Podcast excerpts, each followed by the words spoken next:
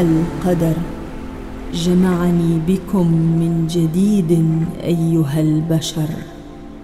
مغامراتكم أتت بكم إلى سطحي. لستم الأوائل. لا قد أتاني هو من قبلكم. أتعرفون عن السندباد شيئا؟ هم. لعلي أخبركم إحدى حكاياته.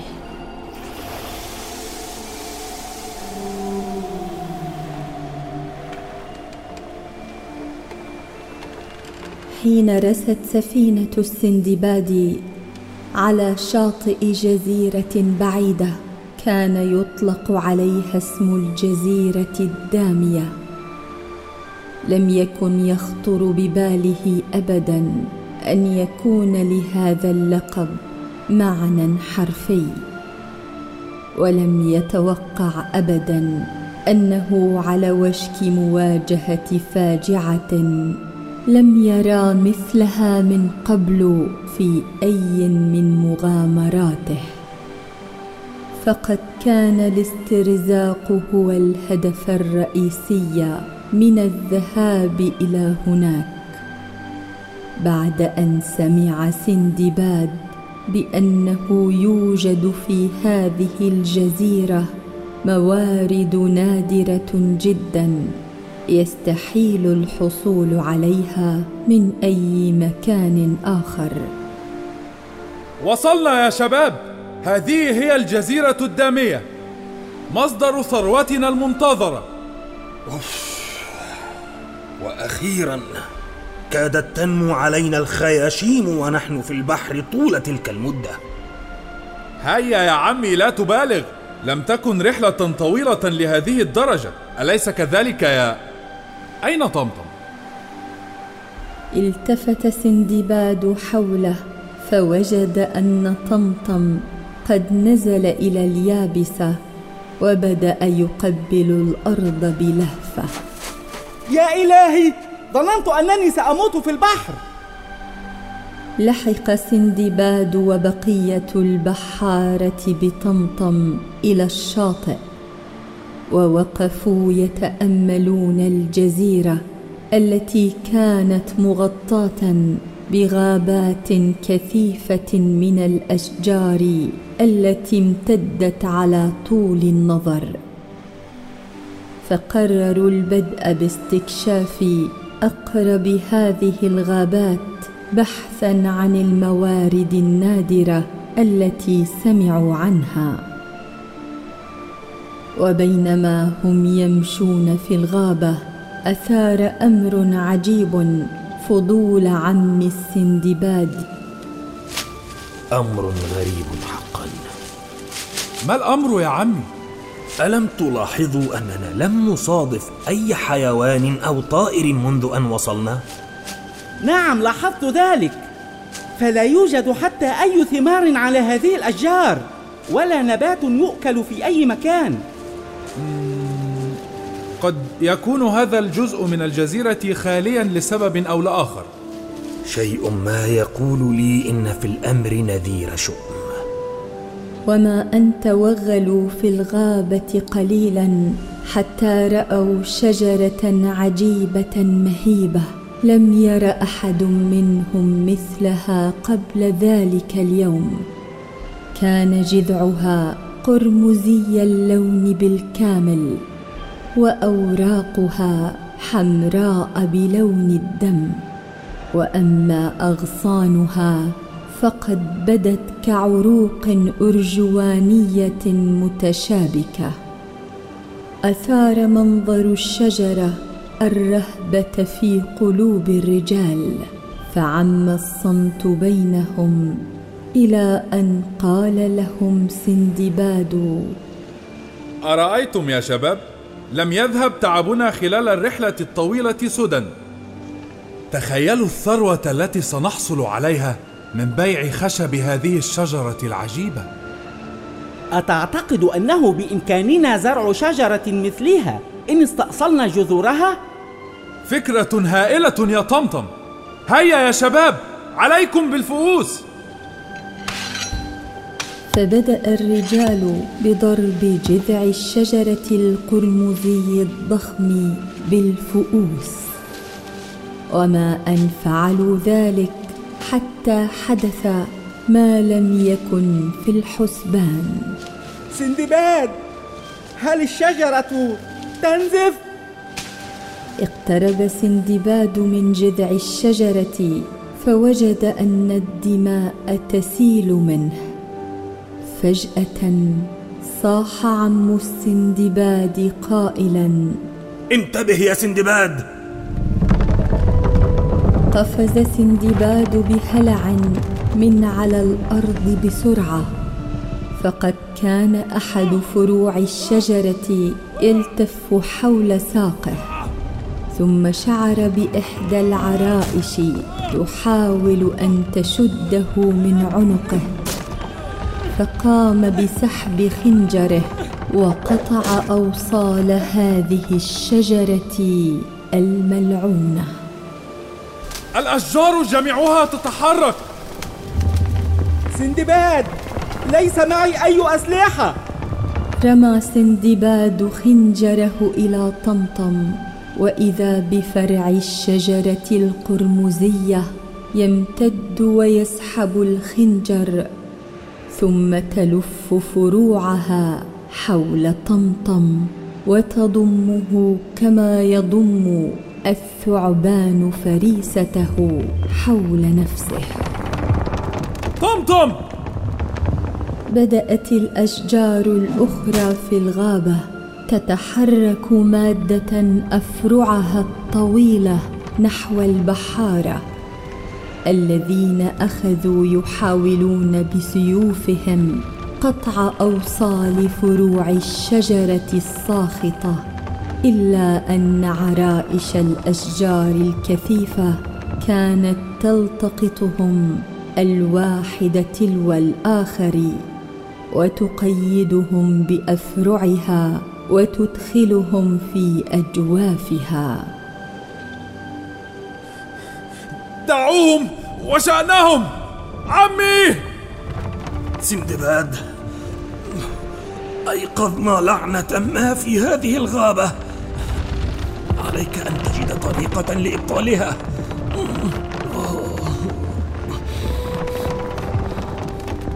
ثم اختفى عم السندباد خلف العرائش التي كسته بالكامل. كان سندباد قد وجد وسيلة لتفادي الوقوع في قبضة الأشجار الغاضبة بالمناورة والسرعة. ثم أمسك بإحدى الفؤوس وأخذ يقطع العرائش المتفرعة حوله بعنف غير أنه لم يكن لها نهاية. فعلم أنه لا خيار لديه إلا أن يهرب لئلا تأسره الأشجار أيضا. لن أستسلم. سأعود من أجلكم. فاستطاع أخيرا الخروج من الغابة والعودة إلى الشاطئ بقلب مذعور وأمل مهدور. وبعد أن تدارك أنفاسه بدأ يركض مسرعا للعثور على المكان الذي رست فيه السفينة. عله يجد فيها أدوات تساعده على إنقاذ رجاله.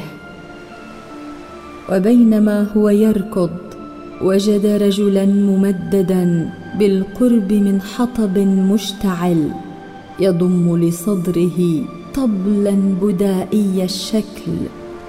فلما اقترب السندباد قال له الرجل باندهاش ها؟ من أنت؟ من أين أتيت؟ المعذرة يا عم هل أنت من سكان الجزيرة؟ هناك أشجار حمراء في تلك الغابة قامت بابتلاع رجالي. أنا حقا بحاجة للمساعدة. أتعني أنكم أيقظتم اللعنة؟ تبا كيف لم ألاحظ مجيئكم؟ ألم تسمعوا إنذاري بالطبول؟ لا لم نسمع شيئا. ماذا تعني أيقظنا اللعنة؟ آه لا بد من أنني كنت ذهبت للطرف الآخر من الجزيرة عندما رسيتم. أنا أقف على الشاطئ كل يوم كي أنذر البحارة من لعنة هذه الجزيرة. ما هي هذه اللعنة التي تتكلم عنها يا عم؟ قصة اللعنة قصة موحشة يا بني. آه منذ زمن قامت حرب عنيفة بين أكبر قبيلتين من قبائل هذه الجزيرة من أجل النفوذ والسلطة. وقد وقعت إحدى معارك هذه الحرب داخل هذه الغابة. وفي وقتها ظهر من بين المقاتلين الوصي الموكل بحماية روح تلك الغابة محاولا إيقاف القتال وحماية الغابة. إلا أن السفاحين ما بين القبائل قاموا بذبح الوصي وهو من أبناء الحامي الأعظم لغابات هذه الجزيرة كلها. فانتقاما لمقتل ابنه رفض الحامي الأعظم إرسال أي من أبنائه الآخرين كأوصياء لحماية أي من غابات الجزيرة مما أدى إلى حلول اللعنة وإلحاق الدمار في الغابات والطبيعة. إذ تشربت الأشجار دماء ضحايا المعركة ليصبح لونها قرمزيا وترسخت في جذورها لعنة الشر والحقد التي استولت على أرواحها وحالت دون إزهارها أو إثمارها. ومنذ ذلك الحين وإلى الآن كل من يزعج أشجار هذه الغابات يتم أسره بين اغصانها فتقوم بامتصاص دماء الضحية ببطء حتى تتشرب كل ما فيها. اعترى سندباد شعور غريب إثر سماعه لما حدث. إلا أن همه الأكبر كان إنقاذ رجاله في أسرع وقت ممكن. وقبل أن تهلك أرواحهم وتصبح أسيرة تلك الأشجار الملعونة. علي العثور على الحامي الأعظم هذا. أين مكانه؟ صدقني يا بني لن ينفعك الذهاب إليه فهو ليس كائنا من البشر ولن يتعاطف معك. علي أن أحاول. فقل لي أين أعثر عليه بسرعة؟ سأدلك. لكن قبل ذلك علي أن أنصحك. الحامي الاعظم هذا كان معطاء وكريما تغذي روحه الحكمة والموعظة إلا أن حزنه لفقدان ابنه بتلك المجزرة جعل منه كائنا حاقدا غاضبا. فكن حذرا بكلامك معه حكم عقلك وقلبك قبل أن تطلق العنان للسانك. فإن أغضبته لعنك مثل أصحابك دون رحمة ولن تتمكن من إنقاذهم. لا تقلق يا عم سأتدبر أمري. لكن أشكرك على النصيحة. فدله الرجل على مكان الحامي الأعظم. الذي كان يعيش في أكبر غابة في الجزيرة والتي تقع على قمة أعلى الجبال هناك. فهم سندباد بالذهاب إلى هناك دون توقف ووصل القمة منهكا وقد أضناه العطش والجوع والتعب. بعد أن استعاد أنفاسه نظر حوله ووجد أمامه شجرة قرمزية أضخم بعشر مرات من الشجرة التي ابتلعت رجاله. وكان في وسطها فوهة كبيرة وكأنها كهف سحيق العمق. فبدأ ينادي باعلى صوته. أيها الحامي الأعظم أين أنت؟ أتسمعني؟ اسمي سندباد. أتيت أرجو مساعدتك. أصحابي في خطر وسيموتون إن لم تساعدني بسرعة. أرجوك اسمعني. فأتاه صوت مدون من حيث لا يدري. بدا وكأنه صوت عملاق مهول. تريدني أن أنقذ أصحابك من الموت. نعم يا مولى الجزيرة وحاميها. إنهم في خطر ولا يستطيع غيرك إنقاذهم.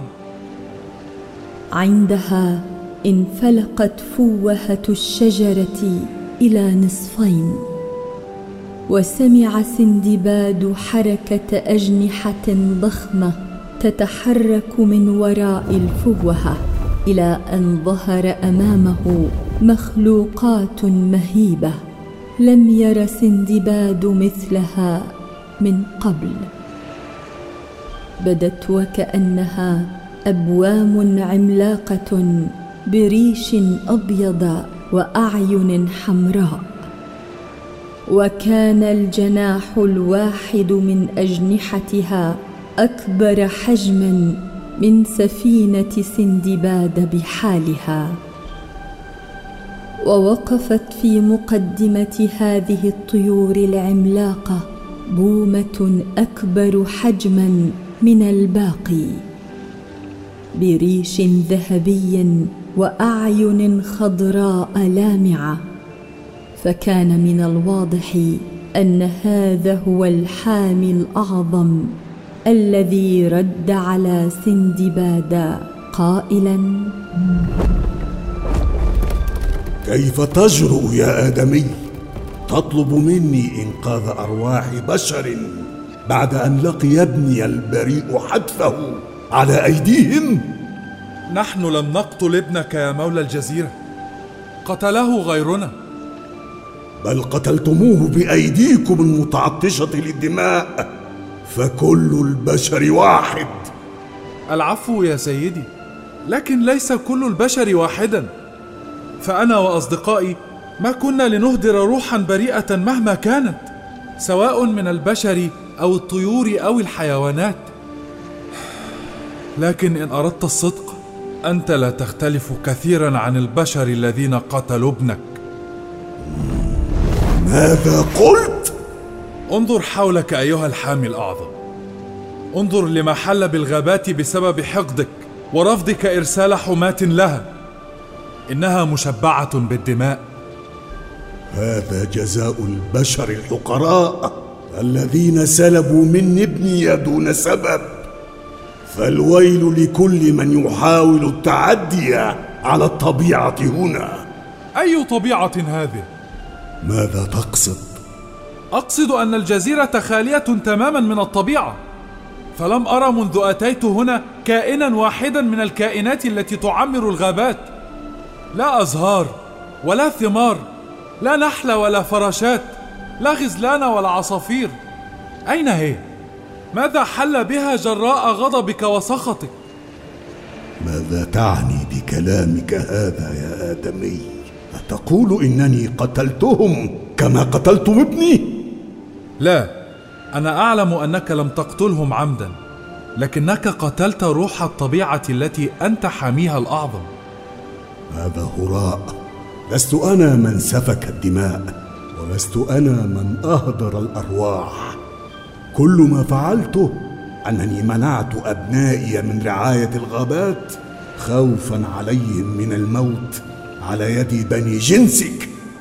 نعم أنت لم تسفك الدماء. لكنك أهدرت الأرواح والدليل حولك. فانظر. كفى. لا أريد سماع المزيد. اغرب عن وجهي. أها إذا بدأت ترى ما أعنيه. أليس كذلك؟ قلت لك اخرس. اسمع أيها الحامي الاعظم أنا لست ضدك ولا أنا عدوك. فاسمعني أرجوك. البشر كلهم أعدائي. وأين العدل والحكمة في ذلك يا حامي الطبيعة؟ أين الحكمة في أن تهلك كل الكائنات من بشر وحيوانات ونباتات وحشرات بسبب النقمة ومرارة الحقد؟ ما ذنبهم؟ أنا لم أقل إن الذنب ذنبهم. إذا قل لي كيف للطبيعة هنا أن تزدهر إن لم تؤدي واجبك تجاهها وترعاها؟ قد لا تكون سفكت دماء الكائنات مباشرة، لكنك أذيتهم بإهمالك ورفضك إرسال أبنائك لحمايتهم. كيف تريدوني أن أرسل أبنائي وأخاطر بحياتهم؟ أتريدني أن أفقدهم كما فقدت ابني الحبيب؟ ابنك كان ضحية طمع وجشع بشري كريه كل ما عليك فعله هو حماية أبنائك من شرور هؤلاء البشر الفاسدين. لكن لا تعاقب الجميع على ذنب اقترفه البعض. أثرت كلمات سندباد الأخيرة بالحامي الأعظم تأثيرا كبيرا وبها استطاع بالفعل إقناعه بأن حقده على البشر ألحق الأذى بالكائنات كلها. فما كان منه إلا أن أطلق نداء عاليا ليرفع اللعنة. وأومأ لأبنائه الذين أحاطوا به بأن ينتشروا في أنحاء الجزيرة للبدء في حمايتها ورعايتها من جديد. فعاد السندباد مسرعا إلى الغابة التي علق فيها أصدقاؤه. وعندما وصل إلى الشاطئ رأى صاحب الطبل راكضا بحماس تجاهه. يا صديقي الولي أرسل روحا جديدة. لقد سامحنا. وبالفعل بدأ يتلاشى القرمز الدموي من أشجار الغابة ليحل محله الخضار النضر والثمار المزهرة. وحين عاد سندباد إلى الموقع الذي كان ترك بحارته فيه وجدهم يظهرون مجددا من بين الأغصان. ويفكون أسرهم من جوف الأشجار. فأسرع إليهم ليساعدهم وهم جميعا يتنفسون الصعداء. وبعدها عاد البحارة إلى سفينتهم وبدأوا بالإبحار. وبالرغم من أنهم لم ينالوا أي موارد نادرة للبيع ابتسم السندباد وهو يضبط الشراع. فالمغامرة لم تكن بدون أي مكسب.